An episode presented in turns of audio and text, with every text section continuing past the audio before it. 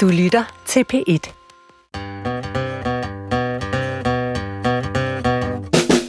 Du lytter til Vildt Naturligt på P1. Dine værter i dag er... Johan Olsen! Og fantastiske Vicky Knudsen. Vicky, har du nogensinde været på jagt? Ja, det var fordi, jeg var med i et, et, et jagtradioprogram. Nå? Hvor at, at vi skulle skyde en rev. Nå? Og det håbede jeg sådan set lidt, vi ikke gjorde. Ja, men... jeg, mest, jeg kan bedst lide jagt, hvis man sådan kan spise det bagefter. Men det var utrolig hyggeligt at være med ude. Ja. Ellers er det med kameraet eller kiggeren, mm. jeg primært ja. Og så har jeg engang plaffet en lærdue i første forsøg nogensinde. Wow. Hvad med dig, Johan? Nej, jeg har ikke prøvet at være på jagt nogensinde. Fisket en del, men aldrig jagt. Nu er det bare sådan, at der selvfølgelig er nogle problemer med jagt, specielt i andre dele af verden. Og til at gøre os klogere på det, så har vi besøg af lektor Martin Reinhardt Nielsen, sektion for global udvikling, Institut for Fødevare og Ressourceøkonomi på Københavns Universitet. Human Dimensions of Wildlife Management. Velkommen til, og kan du lige starte med at fortælle os, hvad det betyder? Jo tak. Det betyder bare, at øh, min forskning fokuserer på udnyttelsen af vildressourcer, øh, og især det menneskelige aspekt af den, altså den menneskelige del af forvaltningen.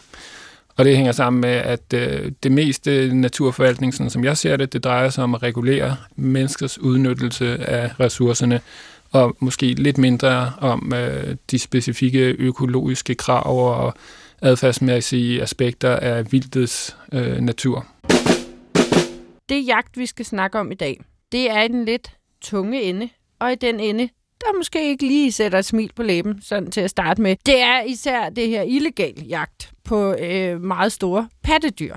Og vi er ude i et emne, hvor at vi skal snakke om, om dyr, hvor at, at dele af dem er mere værd end øh, guld og diamanter og kokain. Og også hvor at de her dyr faktisk altså er på nippet af at uddø snart, hvis, hvis det fortsætter det her jagttryk, der er på dem. Mm-hmm. Vi skal blandt andet snakke om tiger og næsehorn, måske lidt elefanter, men der er jo også mange andre ting, der bliver øh, jagtet på, øh, som måske ikke er så bæredygtigt. Hvordan kommer man til at forske i det? Altså, jeg er jo oprindelig biolog, øh, men jeg tror ikke, jeg var en specielt øh, god biolog i den forstand, at jeg var ikke den type, der lagde mig ud på en mark med en græsnøgle og fandt ud af, hvad det var for nogle arter, øh, der lige groede der.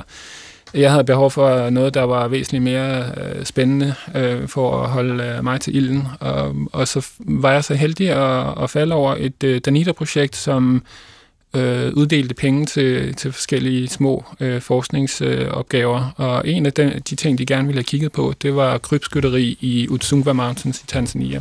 Mm. Derfra har jeg egentlig bare fulgt den vej. Min uh, master's thesis kom til at handle om, hvorvidt uh, community-based natural resource management er en mulig uh, vej til at reducere krybskytteriet og sikre bæredygtig udnyttelse af, af ressourcerne i det her skovområde.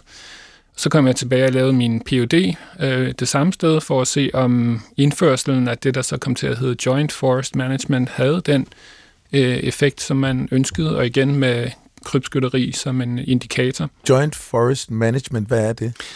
Jamen, det er sådan en filosofi, der handler om, at man overdrager øh, ejerskabsrettighed og forvaltningsansvar til lokalbefolkningen, mm. øhm, og så ved, at de øh, får en indkomst for det, så kan de se en langsigtet øh, idé i at udnytte ressourcen bæredygtigt. Mm. Og hvad var det, der blev øh, illegalt jagtet i de her bjerge? I de her skove, der var det øh, altså alle mulige forskellige dyr, der lever derinde, aber og antiloper og så videre. Men problemet er, at de her skove er kendt for en meget høj øh, endemisme, altså det vil sige arter, der kun findes der og ikke ja. nogen andre steder. Mm.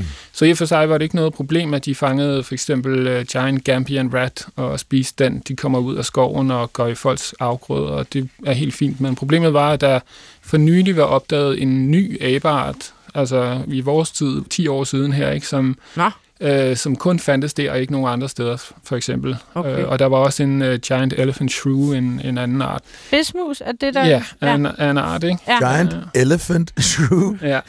altså, en ordentlig tud. Spids. Lige præcis. Den har sådan en lille snabel der. Ja, okay. ja. Og hvad hed aben? Kipunchi. Kipunchi? Ja. Nå, spændende. Mm. Så det var vigtigt at finde ud af, om, om det her in, uh, initiativ, Joint Forest Management, kunne, uh, kunne uh, mindske trykket uh, på jagten. Så, så det lavede jeg i min PhD. Og så i min postdoc, der kiggede jeg så på et mere kommersielt bushmeat-marked, Og så er jeg egentlig bare fulgt øh, den sti øh, efterfølgende, og senest her kigget på efterspørgselen på næsehornshorn og tigerbone glue i Vietnam. Tiger og næsehorn, så vi øh, mange nok godt, så er det jo ikke for, for kødet, man jagter dem øh, for at blive mæt. Var det det, der var tilfældet mm. her i de her øh, skovområder? I de skovområder, der var det altså helt almindelige fattige mennesker, som mm. øh, havde besvær med at skaffe protein på bordet og måske en smule indkomst til at sende deres børn i skole. Ja. Så, så deres motivation var øh, primært det, og så også øh, at beskytte deres afgrøder. Men er det så fordi, at de bare jagter alt, hvad der jagtes kan, eller er det jagtmetoden, som, så, mm. altså, som bifangst mm. fanger nogle ja. andre dyr end dem, der var tilsigtet? Ja, de bruger primært øh, stoltrådsfælder, og de er helt øh, uselektive, så alt, hvad der ah. kommer i nærheden af dem, bliver, bliver fanget. Ikke? Ja, så. altså sådan snare rundt om benet-agtigt. Ja. ja. ja. Jeg læste, at der var blevet dræbt 10.000 næsehorn på et 10. Mm. Og der er godt og vel 30.000 tilbage. Så man kan jo godt regne ud, hvis det fortsætter, har vi snart ikke nogen næsehorn ja. tilbage. Der er nogen, der estimerer inden for 20 år, øh, vil vilde bestanden af næsehorn være væk. Og det er jo derfor, det er så vigtigt at prøve at forstå øh, motivationen for de her konsumenter i, øh, i Asien, som, mm. øh, som efterspørger de her produkter. Prøve at finde ud af, hvordan vi bedst muligt kan få dem til at, at skifte præferencer eller lade være og efterspørge det her. Hvad tror de, at man kan bruge et næsehorn horn til? Jamen, det har mange forskellige øh, funktioner, og vi, vi skældnede i en af studierne mellem det, vi kalder utilitarian og hedonic øh, uses, hvor utilitarian, det handler om den, hvad skal man sige, øh, konkrete udnyttelse af produktet, for eksempel som en kur mod øh, forskellige sygdomme eller mod tømmermænd øh, til at rense kroppen. Øh, og hedonic, det er mere, hvor der er en eller anden form for øh, lidt, lidt mindre rationel, øh, emotionel øh, øh, funktion, som for eksempel, at man får en, en, øh, en stolthed eller en, en glæde ved at kunne dele det her produkt med andre, og det øger ens status i de sociale cirkler. Altså næsehornshorn er det ikke keratin? Jo, det er det. Det er det. Øhm, og, og der er selvfølgelig også en masse kampagner, der siger, at det er bare keratin. Det er ligesom at bide negle. Jeg skulle lige så sige, at man kunne så sige ja. bare bide negle. Eller samle ja. neglestumper ind. Nej, hvor lækkert. Ja, ja, så mm. presse dem sammen. Og så, ja, lave sådan, ja. ja. Men det vi, det, vi lavede så et, en, en undersøgelse af det, og fandt frem til, at der faktisk er meget lidt øh, videnskabelig evidens for, om der er nogen effekt af næsehåndshorn, for eksempel. Mm-hmm. Øh, og, i, og i den her sammenhæng, der er det jo vigtigere for forbrugerne at vide, at der ikke er nogen effekt. Altså, de vil gerne have et bevis for, at der ikke er nogen effekt, før de skal holde op med at bruge det. Ikke? Mm. Og, og øh, vi kiggede så på nogle gamle studier, øh, som desværre, øh, altså de viser, at der ikke er nogen effekt, men der er ikke noget øh, publiceret materiale, der gør, at man kan søge øh, op og finde ud af, hvordan har de undersøgt det her. No. Øhm, og, så, og det gør så, at, at, at de kampagner, der bygger på den besked, de i virkeligheden underestimerer forbrugernes intelligens, fordi ja det er, det er rige mennesker med høj uddannelse, som sidder i høje stillinger i, i erhvervslivet og i regeringen, og de kan jo sagtens altså, søge på nettet og finde ud af, er der nogen evidens for det, som den her kampagne påstår.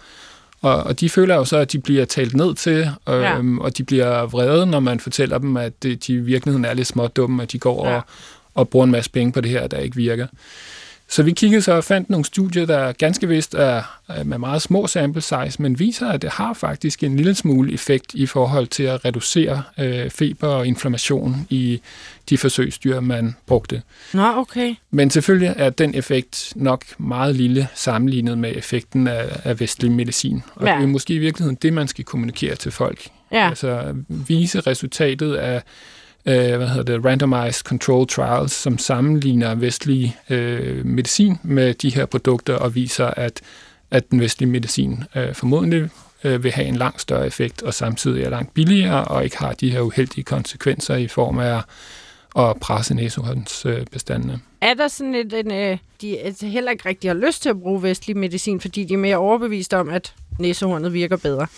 Ja, det er jo i hvert fald en tusind år gammel tradition, som er meget okay. svær lige pludselig at, at, ændre. Ikke? Og mm. der, det er bundet op på alt det her med, med Confucian Societies uh, normer, man skal, man skal leve op til uh, fællesskabets idé om, hvad der fungerer. Man skal passe på ikke at tabe ansigt i en situation. Så hvis der er nogen, der øh, tilbyder dig næsehåndshorn, så selvom du ikke tror, det virker, og det måske ovenikøbet kan være forgiftet, som der er eksempler på, man har prøvet, Nå. øh, som et conservation-tiltag, øh, så tager man det. Og, ja, okay. og, og så siger man ikke noget om, at det ikke har en øh, effekt, fordi vedkommende der, han har måske brugt øh, en formue simpelthen på at købe det her, for at kunne dele det med dig og øge sin status på den måde. Ikke? Jamen, det er jo også helt vildt. Og når jeg sagde det her med, med, med guld og diamanter og kokain mm. for den sags skyld, så læste jeg et kilo næsehorn, horn, mm-hmm. øh, kunne have en værdi på op mod 2,6 millioner. Ja. Når du nu netop snakkede om fattige befolkninger, altså jeg er godt klar over, at det er mm. måske ikke lige dem, der nedlægger næsehornet, der får alle 2,6 millioner. Der er nok også nogle bagmænd og sådan noget. Mm. Men jeg kan huske, da jeg var i Afrika, der hørte jeg også en historie fra en tidligere antikrybskytte. Mm. Øh, altså netop med nogen, der havde, hvor, hvor de fik opsporet det, og, mm. og det her næsehornshorn var gemt altså i afføring meter langt nede nærmest for mm. at skjule, at de havde det. Men det ville jo svare til en årsindkomst på, altså år, hvis mm. de fik mm. solgt det her næsehorns mm. horn videre. Så, mm. så selv hvis lokalbefolkningen egentlig mm. godt kan se, tænker mm. jeg, mm. det er lidt skidt, der er ikke så mange tilbage. Mm. Så det, at de kan leve og brødføde deres familie mm. i så lang tid, er vel også et stort mm. problem. Ja, men altså, hvis, man kan sige, hvis øh, pengene gik rimeligt til lokalbefolkningen og blev fordelt, og, og dermed kunne reducere fattigdom, så kunne man måske se en, en vis rimelighed i det her. Ikke? Men, mm. øh, men det er jo bare kriminelle netværk, syndikater, ja. som, som scorer hele profitten her. Øh, ja. Der er ikke rigtig noget, der ender hos øh, de folk, der sætter livet på spil for at at nedlægge et næshorn eller en elefant for den sags skyld. Og det er jo en, altså en veritabel krig øh, i ja. felten mellem øh, Rangers og, og de her krybskytter. Ja. Øhm, så, ja. så de sætter livet på spil. Jeg kan oplyse, at det godt kan være en lille smule nervepirrende øh, at komme gående sådan, sådan nogle helt tidlige universitetsuddannede øh, ned gennem sådan en flodsænkning, og så møde to mænd med AK-47. Ja. hej, hej! Som forhåbentlig op. bare passer på næsehornene. Nej, jeg tror ikke, de der var nogen, der passede på næsehornene. Men de var meget flinke at sige hej. De var jo ikke også de jagtede. Men, men Nå, okay. bare det at se nogen med, med, med skien, ja. er sådan lidt voldsomt. Det var heller ikke sikkert, det var næsehorn. Hvor var det Det godt være noget andet. Det var Sydafrika. Wow. Martin, nu sagde du, at det var en tusind år gammel tradition. Mm. Ved man, hvordan den opstod? Jamen, den er beskrevet i nogle, øh, nogle bøger øh, fra Kina med traditionel medicin, og så er den blevet spredt og kommet til Vietnam, og det har ændret sig lidt, øh, men, men øh, ingredienserne og hvad det bruges til er stadigvæk øh, det samme. Så, så der er en, en, en meget lang tradition for, ja. hvordan man bruger det her. Det er sådan nogle øh, concoctions, øh, taler de om, så det er jo ikke kun næsehornshorn, det bliver blandet med alt muligt andet. Mm. Saiga, antilopehorn for eksempel, og okay. skildpaddeskjold og sådan nogle ting, og, og, og det bliver så indtaget øh, til, for, til at kurere forskellige ting. Er det pulver, eller hvordan laver de det? Ja, det bliver til, til et pulver. Okay. Øhm, og den mest almindelige måde at bruge det på nu her, det er som øh, en, øh, en kur mod øh, tømmermand. Man har en lille stump horn, som man ligesom rasper, indtil man får noget øh, pulver ud af det, så blander man det op med vand, og så drikker man det, og tænker, at øh, så hjælper det på ens øh, tømmermænd. Og det gør det jo ikke øh, rigtigt. Og, og der er også folk, der, der er indrømmet over for os, at det ikke virkede, men simpelthen det her peer pressure øh, fra, ja. fra hele øh, gruppen af, af rige forretningsbekendtskaber øh, gør, at man, man simpelthen bliver, bliver ved. Ja, det er jo også, altså undskyld mig, det gør det jo ikke øh, mindre forfærdeligt, at det bare er mod noget så simpelt som tømmermænd, man ja. primært bruger det mod. Men for tusind år siden, hvordan fik kineser for tusind år siden ja. fat på et næsehorn? Der har også været, og der er jo også ganske få næsehorn stadigvæk i Asien, mm. øh, men de er uddøde i Vietnam for eksempel. Ja. Øhm, og det er jo også, øh, altså de, det handler jo meget om, at det skal være et vildt næsehorn. Det skal ikke bare være et næsehorn. Altså de tror, at, øh, at næsehornene, som lever i det fri, de spiser planter, som kan være giftige, og, og næsehornshornet på en eller anden måde absorberer eller øh, gør, at den gift ikke påvirker næsehornet. Og det er derfor, det har de her sådan, magiske mm. egenskaber, øh, som, de, som de efterspørger. Altså har det egentlig altid været et ret stort problem for den her, altså de her utrolig store pattedyr, næsehornene specifikt lige i det her tilfælde, at man har brugt alternativ medicin? Jeg tror, at det har haft ganske lille, øh, lille betydning historisk øh, for næsehornsbestandene. Altså det, der har eradikeret næsehorn- og elefantbestanden, er jo hvide menneskers udnyttelse som jagt i, mm. op igennem historien. Øh, den smule, som, øh, som den traditionelle medicin har, har brugt, har været, har været ganske lille.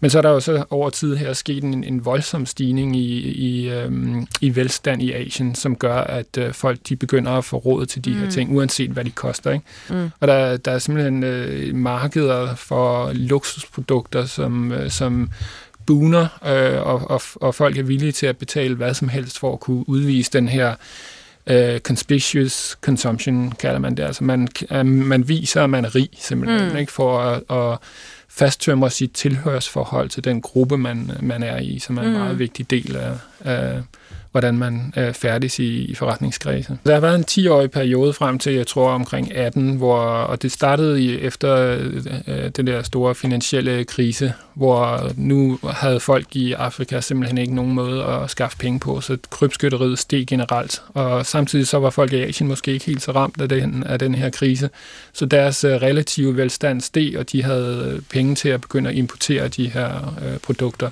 Mm. Og så er det simpelthen bare eskaleret øh, til, til en, en øh, altså til en situation, hvor der over de her 10 år blev dræbt omkring 10.000 øh, næsehorn. Mm. Og hvilken tidsperiode var det?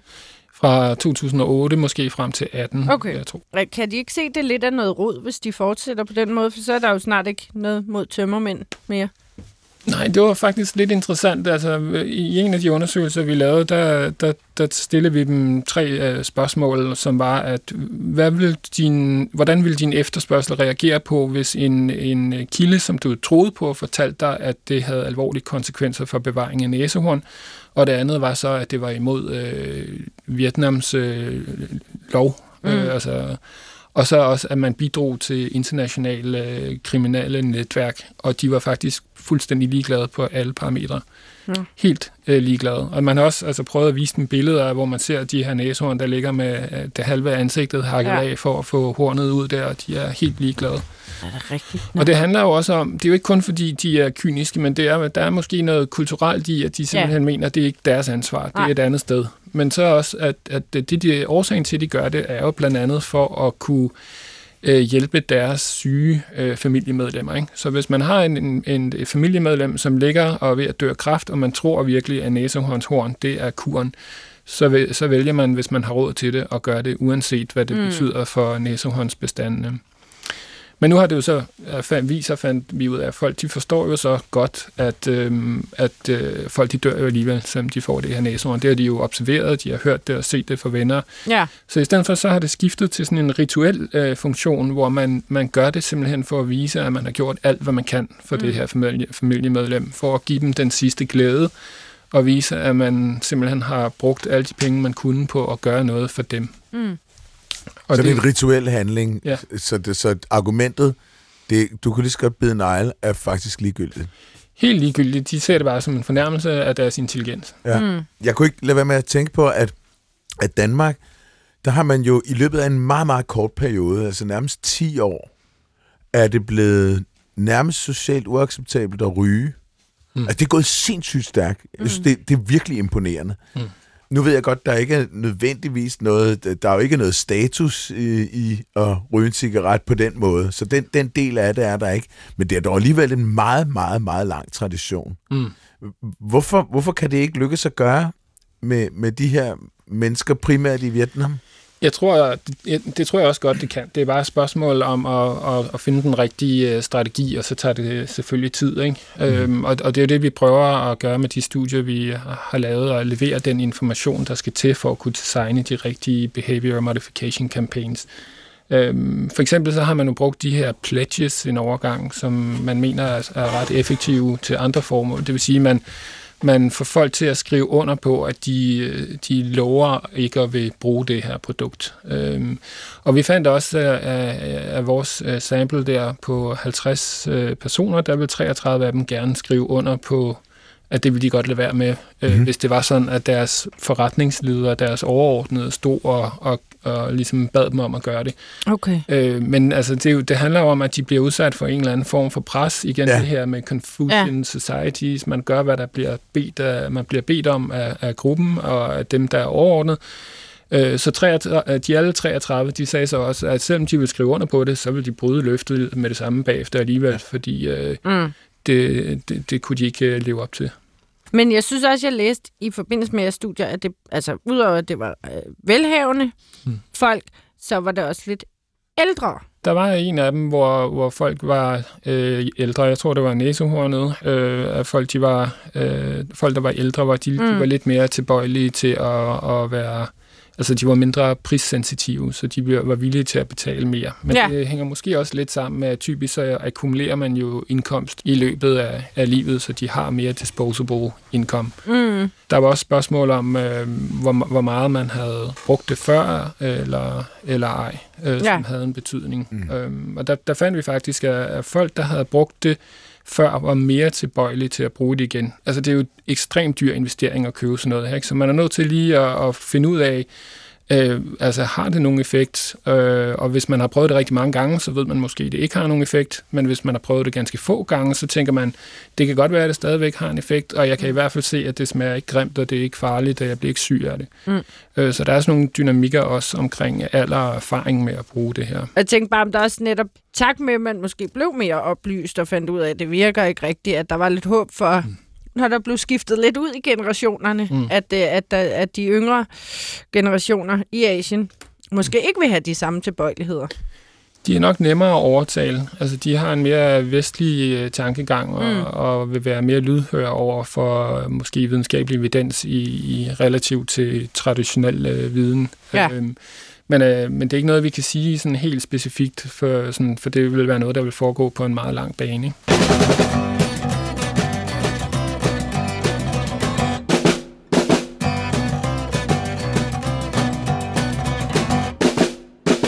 Vi har øh, besøg af lektor Martin Reinhardt Nielsen fra Københavns Universitet, som skal lære os lidt om øh, jagt på store pattedyr, hvad det betyder, og hvorfor de bliver jagtet, de her. Nu er næsehorns horn jo så øh, desværre ikke det eneste produkt fra vilde dyr, som øh, er på markedet. Men så kunne det være, at vi skulle høre en, en lyd først. Inden vi går videre med din, det næste tragiske Ja. ja. eksempel.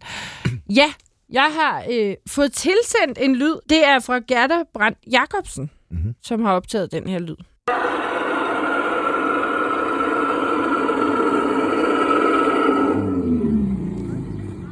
Ikke rart at høre. Nå, ikke rart at høre, var det bare det sagde ikke rart at høre. Er rart at høre. Okay, det, det er et fuldstændig lukket land for mig, det her. Kan jeg lige have den en gang til, så Ja, jeg lige tak, kan summe over det resten af?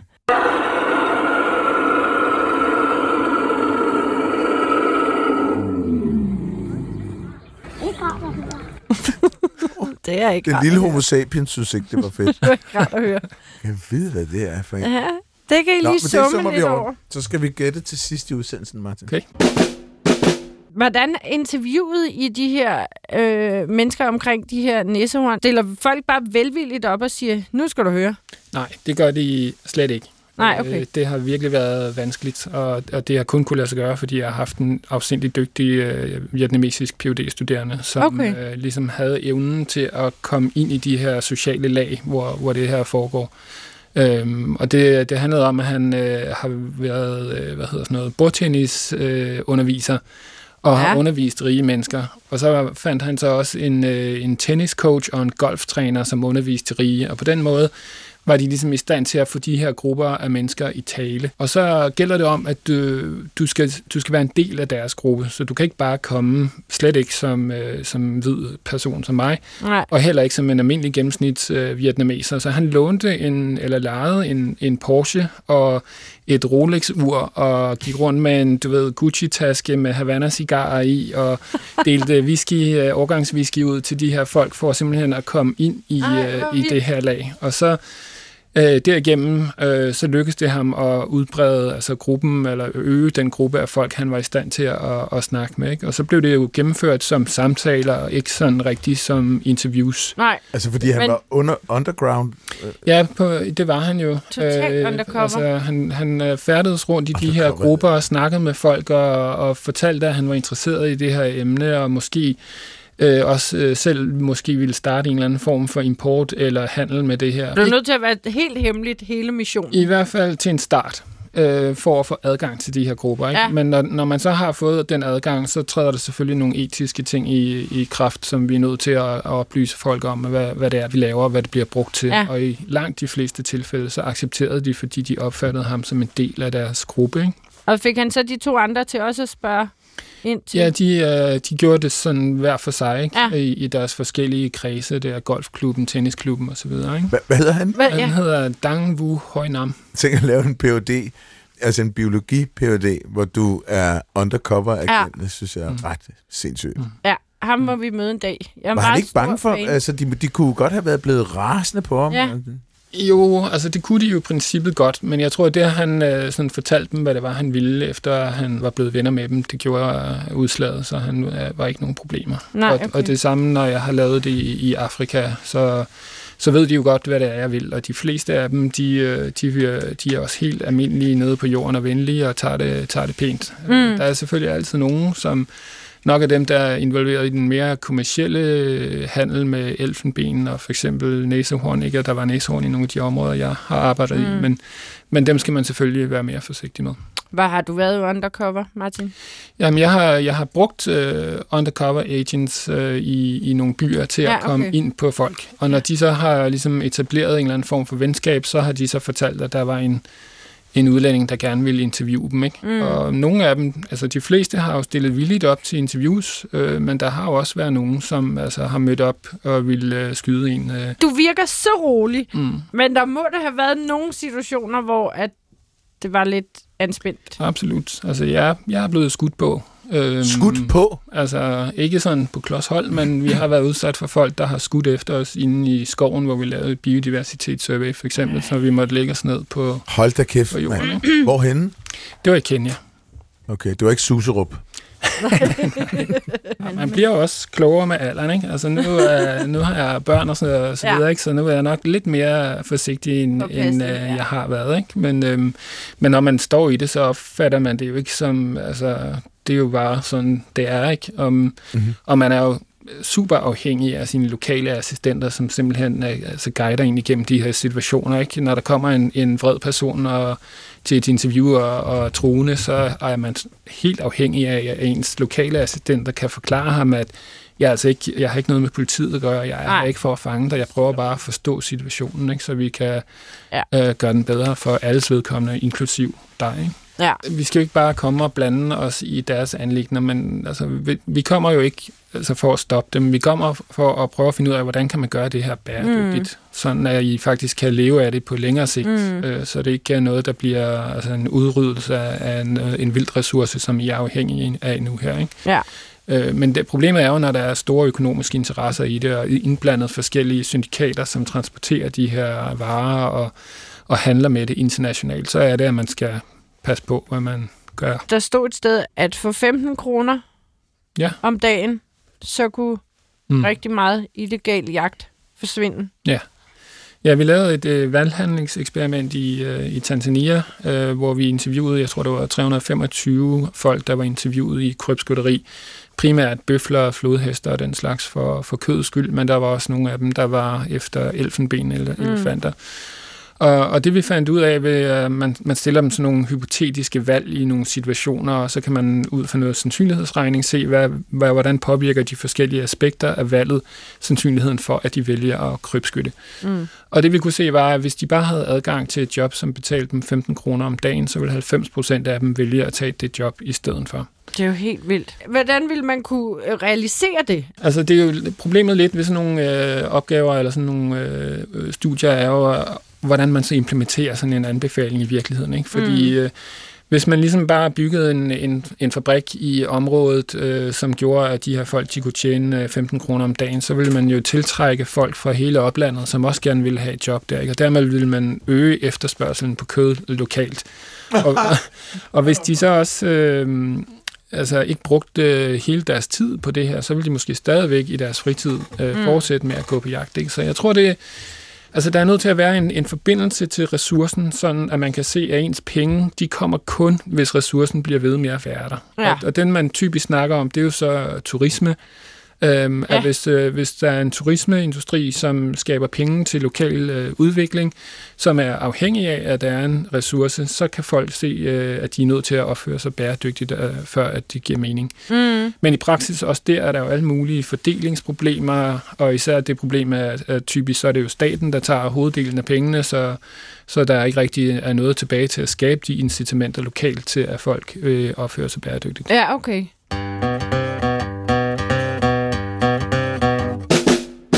Jeg bliver nødt til at høre om de tiger. Hvad er det, tiger kan? Hvad er det, de kan supplere markedet med? Der er jo i hvert fald en, øh, en forestilling om, at øh, det her tiger bone glue, øh, at det kan hjælpe mod forskellige knoglerelaterede sygdomme, arthritis og den slags Gigt. gigt. Ja. Ja. Øhm, så, så, så det, der sker, er, at i takt med, at tigerne er blevet presset øh, i, i, det, i vild natur, så bliver de i stigende grad opfostret i farme, så der er faktisk dobbelt så mange øh, tiger i farme, som der er i, i vild natur, og primært øh, i Asien. Øhm, og det, det foregår illegalt. Altså, de har en tilladelse til at fremvise dem som en zoologisk have, men så et eller andet sted i baglokalet der, så bliver de altså slagtet og puttet i en trykkoger og kogt ind til noget, der minder om øh, en bouillonterning. Øh, som Okay, er- tiger bone glue, t- tiger knogle lim. Ja. Så, så du fjerner alt andet fra tigeren end knoglerne, Mm. og så trykkoger du dem Ja. i tre dage. ja. Men så det er i princippet tilladt at holde tigerne? Er det det? Man kan i hvert fald altså, få en tilladelse som en zoologisk have til Ja. ja. at have tiger, ikke? og så har man noget fremvisning, men så øh, foregår det her så ligesom i, i, i skjul også, og der er også altså, farme, som bare ikke rigtig er, er registreret. Mm. Man mener, der er omkring 200 øh, farme i, øh, fordelt i Asien, som 200, det er virkelig mand. mange. har, ja, som har en 7-8.000 øh, tiger Og det er flere, 8.000 end der lever vildt, er det ikke? Det er det. Det er næsten dobbelt så mange. Og der er også eksempler på, at, at, at altså, driftige folk, de ligesom opdrætter tigerne i deres øh, kælder i huset. Ikke? Øh, der var en sag her for nylig, hvor der blev konfiskeret 17 tiger fra private hjem i deres kælder, som var blevet opdrættet der til at blive lavet om til Tiger Bone Glue. Øhm, og det er, jo, det er jo selvfølgelig øh, altså, uacceptabelt på alle mulige måder. Øhm, men det, det der er det relevante spørgsmål, altså personligt, så synes jeg, det er helt uacceptabelt, og er meget svært ved at forlise med tanken om, at en tiger bliver kogt ind til en bouillonterning. Mm. Men altså, som forsker er jeg jo nødt til at se på det mere objektivt og se på, om, om øh, den her form for opdræt på nogen måde kan bidrage til at redde øh, vilde øh, tiger. Mhm. Så igen, så lavede vi sådan et øh, valghandlingseksperiment og spurgte ind til, hvad folk de havde af præferencer i, i forbindelse med køb af det her Tiger Bone Glue. Og det vi fandt ud af var, at øh, folk de foretræk altså stadigvæk vilde tiger. Øhm, Nå, så selvom man måske øh, godt ville kunne levere øh, tilstrækkeligt antal tiger fra de her farme til at dække øh, den demand efterspørgsel, øh, der er, øh, så var der to, en tredjedel af, af vores sample, som faktisk øh, stadigvæk ville købe tiger fra vilde tiger, altså tiger bone glue, der stammede fra vilde tiger, selvom det ovenikøbet var dyrere. ja, okay. Så det, der, det vi forventer, der vil ske, er, at hvis man havde et legal, en legal handel, så vil der opstå to parallelle markeder.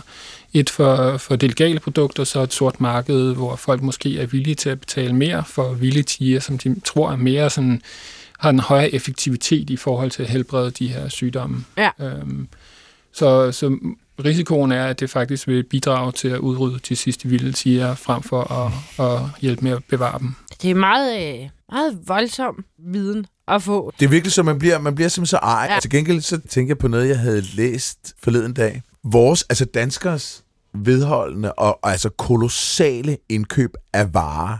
Altså lige alt muligt. Alt muligt lort. Plastikdimser og computer, mm. alt muligt. Langt det meste, vi, vi har ikke brug for det. Det gør, at, at Danmark er det mest affaldsproducerende land i Europa per capita.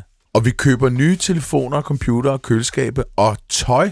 Helt vildt meget tøj. På trods af, at vi fuldt ud er klar over, at det er virkelig, virkelig belastende for miljøet. Mm. Det siger bare noget om, altså i, i forbindelse med, med hele den her diskussion om, hvorvidt man vil købe næsehornshorn eller tigerbone glue, eller hvad fanden det kan være, at vi skal ikke sådan måske gå rundt og puske glorien over, nej, men vi er jo velinformeret samfund, og derfor gør vi ikke nogle ting, som virker så bottet som det der. Mm. Jamen, det gør vi. Mm. Jamen, altså med helt åbne øjne. Martin, hvor, hvad er prisen så på tiger bone glue, eller en tiger, for så går ud fra, at man køber en helt tiger og trykkoger den bagefter. For en voksen tiger, der er omkring 15-20 kilo øh, knogler i, og Ja. det, det er, står til en pris imellem øh, ca. 1200 og 3700 dollars per kilo. Okay, per Ja. kilo. Det, det, ja, okay. Og så når man så laver det om til det her glue, så kan der være for omkring 54.000 dollars i en tiger. Ja. Altså, så Shit. stor er værdien. Hvad med pelsen? Ja, det, det er slet ikke taget med i den her betragtning. Altså øh, pelsen og kløerne og kraniet, som jo også kan have en værdi, det, mm. det er slet ikke uh, taget med. Jeg ved Okay. ikke, hvor meget det rent faktisk uh, er værd, men det kommer jo så oveni. Ja. Så det er super rentabelt. Altså, ja. det er omkring en 30.000 dollar i ren profit, som de uh, scorer per tiger. ja, det er jo også helt vildt, altså. Ja. Altså, hvad bruger man tiger bone glue til? Det bruger man til at behandle forskellige knoglerelaterede sygdomme. Øh, gigt, som vi snakkede om. Men Ja. også, man, man mener, der kan være noget energiforøgelse. Man får noget af dens kraft. Ja. Øhm, og så er der også en, en, et ganske lille antal, som, som tror, at det har en, en, en påvirkning på deres seksuelle øh, evner. Ikke? Ja, okay. Har I så nogle studier, der ligesom kan be- eller afkræfte det? Nej, det tror jeg faktisk ikke Nej. øh, findes, men altså, der vil jeg næsten ved på, at der er absolut ingen effekt. Nej, altså vi snakker knogler. Ja. Mm. Som er, Vil det ikke være en idé at lave de studier? Altså både Absolut. med næsehornshornet Jo. og med takkerbunken virkelig lave et kæmpe stort Mm. studie, double blind, værsgo, nu Jo. går vi i gang. Det er helt, helt sikkert, og det efterspørger de også, altså konsumenterne. Det er det, er det de spørger. De vil have videnskabelig evidens, som viser, at det ikke øh, har nogen effekt. Hvorfor gør man det ikke? Ja, det ved jeg ikke. Jeg tror, øhm, altså, der er jo nogle etiske ting i, at altså, der skal jo leveres et næsehorn, for at man kan gøre det her. Ja. Man kunne selvfølgelig tage nogen, der var konfiskeret, og så lave et studie. Mm. Men, øh, men altså, det, er- det er vores klare anbefalinger til, til nogle af de her NGO'er. Lav et studie, der viser, at der absolut ikke er nogen effekt, eller Ja. i hvert fald, at effekten er minimalt sammenlignet med, hvad du kan få Med- for vestlig Med medicin. paracetamol. ja. Ja. ja, nogle placebo-forsøg måske. Mm. Øh, men øh, kan man så være sikker på, hvis man lavede de her forsøg, for jeg tænker, det ville være smart netop at bruge noget, der allerede var konfiskeret, øh, på at de så stoler på, at det ikke er løgn, altså latin. Altså stoler de på det, fordi som sagt, du Mm. siger jo netop, de er højt uddannede, de er jo ikke dumme, de her Mm. mennesker. Mm. Så hvis der kommer noget forskning på feltet, Mm. vil de så tro på det, tror du? Mm. Det kommer an på, hvordan det bliver leveret. Ikke? Altså, mm. Vores øh, studier af de her kampagner viser, at de har absolut ingen tillid til de her celebrities, som man plejer at have i sådan nogle kampagner. Nej. Så kommer der en eller anden øh, sportsstjerne og fortæller, at det er dårligt at, at bruge øh, næsehånd til noget som helst, og, og det, det gider de overhovedet ikke at høre på. Altså. Øh, men, men altså, de efterspørger jo selv øh, videnskabelige studier baseret på randomized control trial og Ja. Øh, den bedste videnskabelige standard, så man kan vise, at det rent faktisk ikke har nogen effekt. Okay. Øh, men sådan i det, i det private, så, så dem de spørger, det er deres venner, familie, bekendte, kollegaer, øh, når de skal træffe beslutningen om, skal jeg købe noget næsehorn og bruge eller ej. Mm. Så en anden strategi er jo simpelthen, at man får alle de folk, som øh, så overfor os i hvert fald har indrømmet, at de ikke har oplevet nogen effekt af det her, til at stå frem offentligt og mm. fortælle, at jeg brugte sgu øh, hvad, 65.000 øh, dollars på at købe kilo næsehornshorn, og det havde overhovedet ingen effekt. Mm. Altså hvis man kunne få folk til at stå frem og sige det, så tror jeg, det vil have den største effekt på at mindske efterspørgselen. Ja, Men det okay. kræver altså, at der er en, der er villig til Der at tabe frem. ansigt Ja. i den Confucian øh, Ja, ja, lige præcis. Der, ikke? Ej, det er der da forhåbentlig også en, der øh, gør på et tidspunkt. Mm. Ved man, om det har hjulpet det her? For det har vi været inde på et tidligere program med Bent Holst, tror jeg. Mm-hmm. Øh, hvor vi snakker om det her med, at man netop for at beskytte næsehornene, altså saver hornene af nogle steder på forhånd. Har det haft nogen gavnlig effekt med hensyn til... Ja, det, altså, det det er du reducerer krybskytteriet, Ja. øh, men altså, man er nødt til at gøre det jævnligt, og, og altså, bare der stikker 5 cm op, så kan det være nok til, at det, Okay. øh, det, incit, øh, det, det gør, at folk simpelthen vil skyde det her næsehorn. Så det er noget, der okay. Skal gøres øh, jævnligt. Ja, for det var det, jeg tænkte, fordi så, når det vokser ud igen, så er de vel næsten ligeglade med, om det er vokset helt ud. Så. Ja, ja. Og man har også forsøgt med gift, altså man har boret huller ind i hornene og fyldt gift ind i, øhm, og det har skabt øh, lidt, øh, lidt frygt øh, i øh, markederne i, i Asien, men øh, en undersøgelse har vist, at, at det har overhovedet ingen effekt. Altså, den gift, den er kun lige i det der hul, og det forsvinder ligesom, når man Nå, deler ja. det op i mindre stykker, og det, det har ikke rigtig nogen effekt. Nej. Så jeg tror, at man skal, man skal lade være med at prøve sådan nogle, øh, sådan nogle tricks der, og prøve at snyde folk. Øh, man ja. skal altså være ærlig om, at, øh, at det videnskabeligt set ikke har nogen effekt. Ja, og når vi snakker om folk, der sætter livet på spil for netop deres forskning, så skal man jo også tænke på alle de ranger, der sætter livet på spil dagligt for at passe på øh, næsehorn og elefanter, og som tager kampen, når der kommer krybskytter, ikke? Ej, det er så sjovt, det der, du siger. Jeg kommer bare til at tænke på en historie, som måske er lidt urelateret, men det er virkelig morsomt, at det, der har været sådan en masse øh, ting med folk, der trænede meget, eller hvad hedder sådan noget, går til gymnastik, sådan noget fitness noget, ikke? og, øh, og, Gymnastik. jamen, det er vel sådan noget, ikke? Eller løber meget, sådan noget, og så spiser de proteintilskud. Mhm. Og det undrer mig alligevel en del, at man gjorde det i Danmark, fordi vi har, mm, får meget mere protein, end vi har brug for. Og så gik jeg ind og undersøgte den videnskabelige litteratur om det, og så øh, øh, faldt jeg så til sidst over en artikel, hvor de havde gennemgået den videnskabelige litteratur for mig i New Scientist, hvor der stod til sidst i artiklen, så konklusionen er, at du kan sagtens gå ud og bruge penge på at købe sådan noget proteinpulver og sådan noget der. Du kunne også hæve pengene i sædler, og så se, hvordan det ser ud, når du trækker dem ud i lokummet. og jeg sidder, jeg sidder over på laboratoriet, så sad jeg så og snakkede med nogle af øh, de studerende der, og de var stadigvæk, selvom jeg fortalte det her, Ja. så var de stadigvæk, jamen det, det, de havde da hørt noget om, at det virker. Ja, det har du på pakken. Ja. Mm. Altså, det, det er, der skal virkelig noget til. Ja. Og det er jo fandme biokemikere, som sidder, ja. de arbejder Ja. med proteinmolekyler hver så de ved godt, hvad der skal... Det, altså, marked, markedskræfterne kan være så voldsomme, og at, at det simpelthen er så... Ja, at misinformationen er så overvældende, at selv folk, der burde vide bedre, Mm. sådan går rundt og tænker, ah... Også fordi det er en rar følelse. Så Ja. spiser du det der pulver og tænker, så bliver jeg endnu mere... Det kan være, det har placebo-effekt. Så træner du lige lidt ekstra, fordi du har fået protein. Men så lader vi være med at tage proteinpulver fra nu af. Ja, det Johan. tror jeg, skal man, det må vi bare opfordre vores lyttere til. Ja, lad være med det. Det er da bare spild En penge. god banan i stedet for, du. Ja, Så kører det. Ved du, Martin, er der nogen, der har forsket i, eller har nogen idé om, at fordi i Danmark har vi jo allerede udryddet de store øh, pattedyr, der egentlig var. Så det er derfor, at man sætter nogle dyr ud i stedet for øh, heste og køer og sådan noget, fordi hvis man, i hvert fald hvis det skal være ude i naturen, eller elge visse steder, fordi vi har jo, altså, uroksen er væk, altså det hele er ligesom væk, hvad der har været i Danmark. Så er der lige nogle krondyr tilbage, ikke? Men ellers så er de ikke så store mere. Så alle de der store, især græsset er ligesom væk. Men har man nogen idé om, hvor hårdt det vil påvirke økosystemer? Og i sidste ende også os, hvis vi bliver ved med at udrydde de her store pattedyr for fuld skrue. Altså uanset om det er plantet eller rovdyr.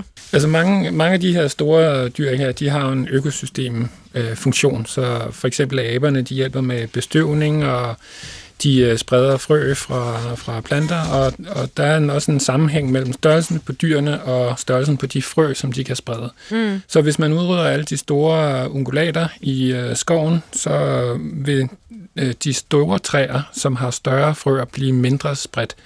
Og det vil sige, at over længere, øh, på, øh, på længere sigt, så vil skovens evne til at, at holde på kulstof vil blive reduceret. Ja, og okay. skovens, øh, i det hele taget skovens øh, funktion og, og dens øh, hvad skal man sige, udseende vil blive, øh, vil, vil blive ændret gennem sådan nogle, man kalder det cascading effects Mm. ned igennem øh, økosystemet. Så, så på længere sigt, når vi øh, igennem øh, bushmeat-jagt, krybskytteri i øh, tropisk skov udrydder øh, de dyr, som, som øh, udfylder de her økosystemfunktioner, så går det ud over skovens evne til at, at holde øh, på kulstof, og dermed har det en, en, klima, øh, en mulig klimaeffekt. Mm. Og vi lavede et studie, hvor vi kiggede på, om det er noget, man har taget i betragtning, når man laver de her Red Plus-projekter, det vil sige projekter, hvor man øh, betaler øh, sydnationer for at bevare deres skov, øh, sådan at man kan udlede mere carbon øh, i nord. Mm. Øhm, og det har man faktisk ikke rigtig indarbejdet i nogle af de her rapporter, projekter eller øh, betænkninger, der var. Øhm, Øh, så så det, var, det var væsentligt øh, set, det var overset øh, dy, dybest set. Ikke? Så Ja, okay. på længere sigt igennem de her projekter, så vil man have en flot øh, skov, som står tom øh, for vildt, Ja. øh, og over tid så vil skoven så begynde at ændre sig, fordi den vil ikke fornyes på samme måde, som Nej. Den burde. Vi, vi lavede også et studie, der viste, at øh, den øh, konsumtion af wildlife, som, øh, som folk udøvede i tropisk skov, det sparede jo faktisk en hel masse carbon. Øh, mm. Fordi hvis de så i stedet for skulle have produceret øh, livestock, så vil, der, så vil den produktion udlede en masse øh, carbon. Mm. Så, så det, at, at, at folk de spiser øh, øh, bushmeat for eksempel i, i tropisk Mm. skov, er, er, er faktisk ikke kun et problem, hvis bare det kan være bæredygtigt, så kan det faktisk bidrage til at reducere carbon igennem produktionen i wildlife-sektor. Ja. Præcis, men det, det var faktisk også et spørgsmål, jeg sad med her, at kan en intens kamp mod den der form for jagt, øh, og selvfølgelig den illegale, men kan det have en negativ effekt på en form for jagt, som måske er bæredygtig og, og rimelig og traditionel og alle de her ting? Absolut, ja. Altså, der har været øh, udbredt øh, calls for, at man skulle stoppe al handel med, med wildlife meat i forbindelse med den her corona-pandemi her. Men der er jo altså folk, der er dybt afhængige af at kunne få deres proteiner fra, fra wildlife. Det er simpelthen Mm. mm. deres tradition og deres eneste mulighed, øh, mulighed for at få, få dækket deres øh, proteiner og mikronutrient-behov. Mhm. Så man kan ikke bare sløjfe den øh, mulighed øh, for dem. Nej, altså, og oven i det kommer der vel også det her med, altså inden for jagtøkoturisme, mm. at, at hvis det er bæredygtigt, og man får lov at skyde en, det ved jeg ikke, giraf, elefant, flot antilope af en art, at, at så giver det en masse penge til lokalsamfundet, hvis det netop foregår bæredygtigt, og man får lov til at skyde den af den ene eller den anden grund. Altså, det kommer vel egentlig også oven i, hvad lokalsamfundets egne behov er. Altså, principielt ja, øh, men i praksis nej. Okay. Øh, fordi altså, det er et meget, meget kontroversielt øh, emne. Altså, det har vist sig, at øh, mange steder, der er regeringen så interesseret i den indkomst, som trofæjagt skaber, så de, øh, de overskrider, hvad der er bæredygtigt, øh, Nå. og med til at udpine øh, ressourcen. Og om ikke andet, så i hvert fald gøre sådan, at øh, der ikke er noget tilbage til de lokale, som også er afhængige af den her ressource. Ej, okay. Og, og den indkomst, som så skulle fordeles øh, mellem øh, de lokale samfund for at skabe incitament til bæredygtig udnyttelse, den, den ender typisk i en eller anden regeringskasse eller forsvinder i noget øh, korruption i, i stedet for. Um, så, så derfor har det øh, trange kår, øh, den her diskussion i, i øjeblikket. Jeg tror, øh, en, en, en stor del af forskningscommunity er, er primært imod øh, den her mulighed. Og man ser jo også øh, luftfartsselskaber, som stopper for muligheden for at importere trofæer fra mange forskellige lande af samme årsag. Ja, virkelig oplysende, fordi jeg har virkelig altså, kun fået det indtryk, at det netop var godt med bæredygtig trofæjagt, øh, fordi at man så netop gjorde det bæredygtigt, og lokalsamfundet også fik noget ud af det, og fik nogle andre ressourcer, for eksempel penge, ud af det. Tiden den går jo, og klokken slår, og man skal jo også lige høre til sidst. Er der noget håb?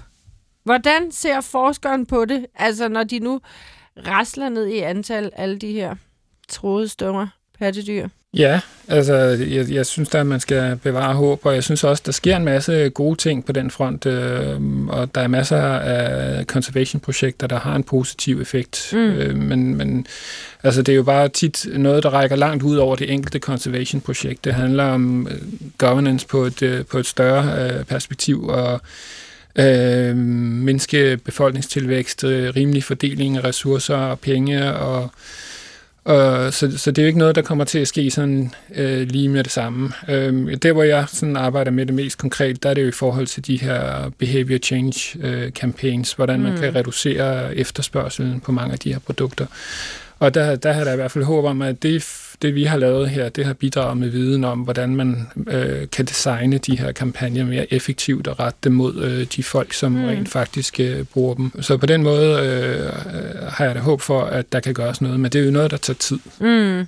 Og så skal vi have lavet de der studier i, i tiger og næsehorn, om de overhovedet har nogen effekt. Jeg tror, det er en god strategi at prøve der. Ja. Øhm, og, og vi fandt jo meget kon- konkret, at, øh, at, øh, at folk de responderede kraftigt på, om deres øh, peers, deres øh, gruppe af, af nære bekendte, havde oplevet en, en negativ effekt eller ingen effekt af at bruge næsehornshorn. Mm. Øh, og deres øh, efterspørgsel faldt sådan cirka med 18 procent, når man gik fra, fra 0 der havde oplevet en, en øh, negativ effekt til 10, øh, til 10 procent, der havde oplevet en, en positiv øh, eller negativ effekt. Ja, okay. Nu kan det jo godt være lidt udskilt at rejse sydpå, mm-hmm. fordi fly og CO2 og sådan noget. Men, men man må vel også lidt have i baghovedet, at hvis man for eksempel tager til Afrika, eller Thailand, eller et eller andet, men, øh, og så man kommer ned, og så netop så må man også styrke den der økoturisme igennem. Hvis man er i Afrika for at se de store vilde dyr, og gerne vil have, at de går rundt der, mm-hmm. så må man ligesom også gøre sit bedste for at støtte lokalt og købe noget hos de lokale. Og altså, mm-hmm. i den grad vise, at man bare er glad for at have set giraffen. Mm-hmm. Bogstaveligt. og de andre dyr. Det er vel også conservation på en eller anden måde, uden at være et direkte projekt altid. Jo, Altså, der er jo en, der er jo en balance mellem, øh, mellem den, øh, den sum penge, man lægger lokalt og bidrager med til udvikling og naturbevaring, og så den carbon, man udleder ved at flyve derned. Ikke? Mm. Øh, så jeg tænker, at vi skal stille nogle krav til luftfartsselskaberne om at arbejde hen imod øh, mere kulstofneutral øh, brændsel mm. og, og transport. Øhm, men, men ja, altså, det er jo vigtigt at komme ud og se naturen for at forstå, hvorfor den er værd at, at, at bevare. Mm. Øhm, og jeg synes, at de her sidste to år med corona har jo været en, en, en pinsel, især for folk som mig, som, som ja. jo ikke har kunne rejse og komme ned og se, hvad der egentlig øh, foregår. Ja. Øh, og det er jo helt nødvendigt for at forstå, hvor det er, vi skal sætte ind, hvad, den, ja. hvad er de relevante spørgsmål øh, at tage. Så ja. jeg, jeg glæder mig meget til at flyve til Tanzania for at komme ud og besøge nogle landsbyer omkring øh, Serengeti og overlevere noget af den øh, Øh, informationen af noget af den viden, vi har genereret igennem et, øh, et, et projekt, vi havde i Serengeti. Nej, hvor fedt. Må vi komme med? Vi tager med. ja, jeg tror godt, vi kan bidrage med et eller andet. Øh. Nej, men og så i de helt små ting, så kan man jo godt se, altså nu har vi snakket om de her tigerkældre og sådan noget, og det er jo måske er lidt, men man kan jo godt se, at, at det her med at få taget en selfie med en tiger, der er halvbedød, mm. altså det har vi jo efter langt de fleste efterhånden mm. altså forstået at holde sig langt væk fra, eller aber, der står og danser i små kostymer og sådan noget altså, der sker vel også generelt noget med... En mentalitetsændring. Mentaliteten, ja. fordi at det er jo ikke, fordi man når man fik taget et billede med tiger. Jeg tror, de fleste, der har prøvet det dengang, jo ikke har tænkt, at det var synd for tigeren, men man havde slet ikke den der viden måske om, hvad der egentlig var naturlig adfærd for den, og om den altså ville ligge så stille normalt, hvis den ikke var halvbedøvet, og senere hen ville blive solgt til Tiger Glue. Så stille og roligt rykker vi vel også bevidstheden, altså hos den individuelle, uanset om man er rejsende eller lokal. Og så må mm. man jo give det gode budskab videre om, mm. hvordan man ikke skal opføre sig, og hvad man skal lade være med, og hvad man skal gøre. Du må til gengæld ikke lade være med at spille lyd. Den Nej, lyd, det har jeg da heller ikke tænkt mig at lade være med. Oh, altså, jeg kan oplyse, at begge de her lige retter sig op i stolen, og ligesom, mm. som om de lige skal gøre sig helt klar til at høre lyden. Det håber jeg også, I øh, gør derhjemme, kære lyttere. For her kommer gættelyden igen.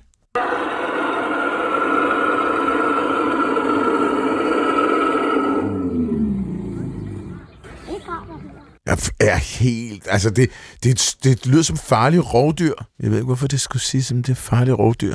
Jeg synes, det lyder, til at starte med, så synes jeg, det lyder som en eller anden form for fugl, men så den der dybe, kulturelle efterklang ja. lyder mere som om, det er en stor abe. Nå, en abe? Mm-hmm. Okay, Martin satser abe. Mm-hmm. Så siger jeg, at det er en panter. En panter? Ja. Ja, det lyder en ikke lyserød panter. Det lyder ikke rart. Ja. Det lyder uanset det kan være rart. Det er, øh, og tusind tak for det, Gerda, øh, som sagt Gerda Brandt Jacobsen, der har sendt den her optagelse, og jeg tror Gerda selv har filmet. Mm-hmm. Det der er i det her klip er elefanter. Elefanter. Er det en elefant? Det er elefanter, ja. Og øh, så skriver Gerda, at øh, de har været i Madrid Zoo. Mm-hmm. Altså, det var noget med, at han havde forsøgt at parre sig med hunden så smuttede hun frem. Det kan jo ske. Ja. Det er jo også at være på styr, det der. Ja. Og så gik de ind i et andet anlæg og blev ligesom adskilt fra de andre elefanter af ja. dyrpasserne. Og de, de, altså, Gerda skrev også, det lige, når de fik nogle æbler. Øhm, ja. Og lige blev tjekket af dyrpasserne. Og så begyndte de at larme på den her måde. Så altså, hun spørger os, kalder de på resten af flokken? Kalder de på flere æbler? Kalder de på dyrpasserne? Flytter de? Hvad sker der? Vi ved det ikke. Jeg Nej. ved det heller ikke. Der må vi nok have en elefant adfærdsekspert ind over. Ja. Og så skriver hun, at udover det, så kan hun oplyse, at flokken, som alle gik sammen, bestod af to voksne hunder på henholdsvis 27 og 29 år, og deres unger, en toårig han, to hunder på henholdsvis 5 og 6 år, og en voksen han på 10. Og den ældste han på 18, der er far til de tre yngste. Og det her var så den unge han, men de kunne ikke rigtig regne ud af, om hunden var hans mor, den anden voksne hund, hans søster, sla, Det er noget råd. parentes Det er samme mor, eller den sidste unge femårige hund. Men tak for et godt program. og tusind tak for, øh, For lyden. for dejligt. Men altså måske, Jeg at den der lyd rigtig- kunne jo bare betyde, nu holder du nallerne fra moster, ja, Patrick. Ikke? det er jo nok et eller andet. Enten noget lystent eller adskilt ja. fra flokken. Men tusind tak for lyden. Den var god, og I gættede den ikke. Nej.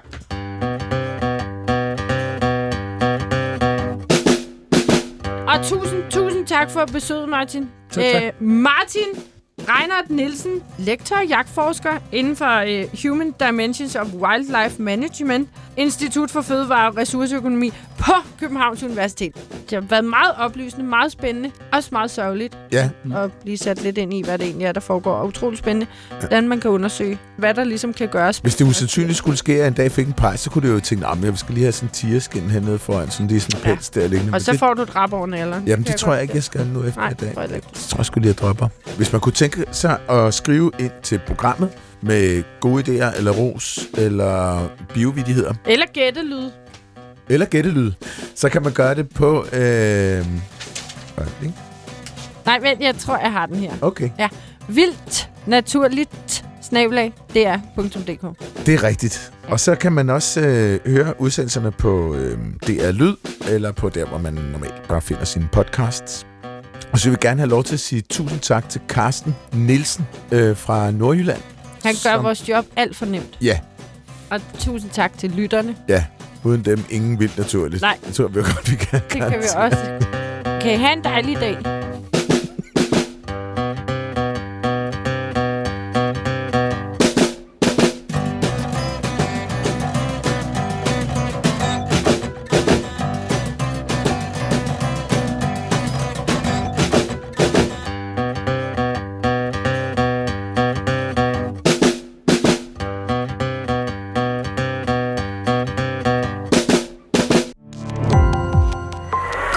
Opdagelse i alle DR's podcast og radioprogrammer. i appen DR Lyd.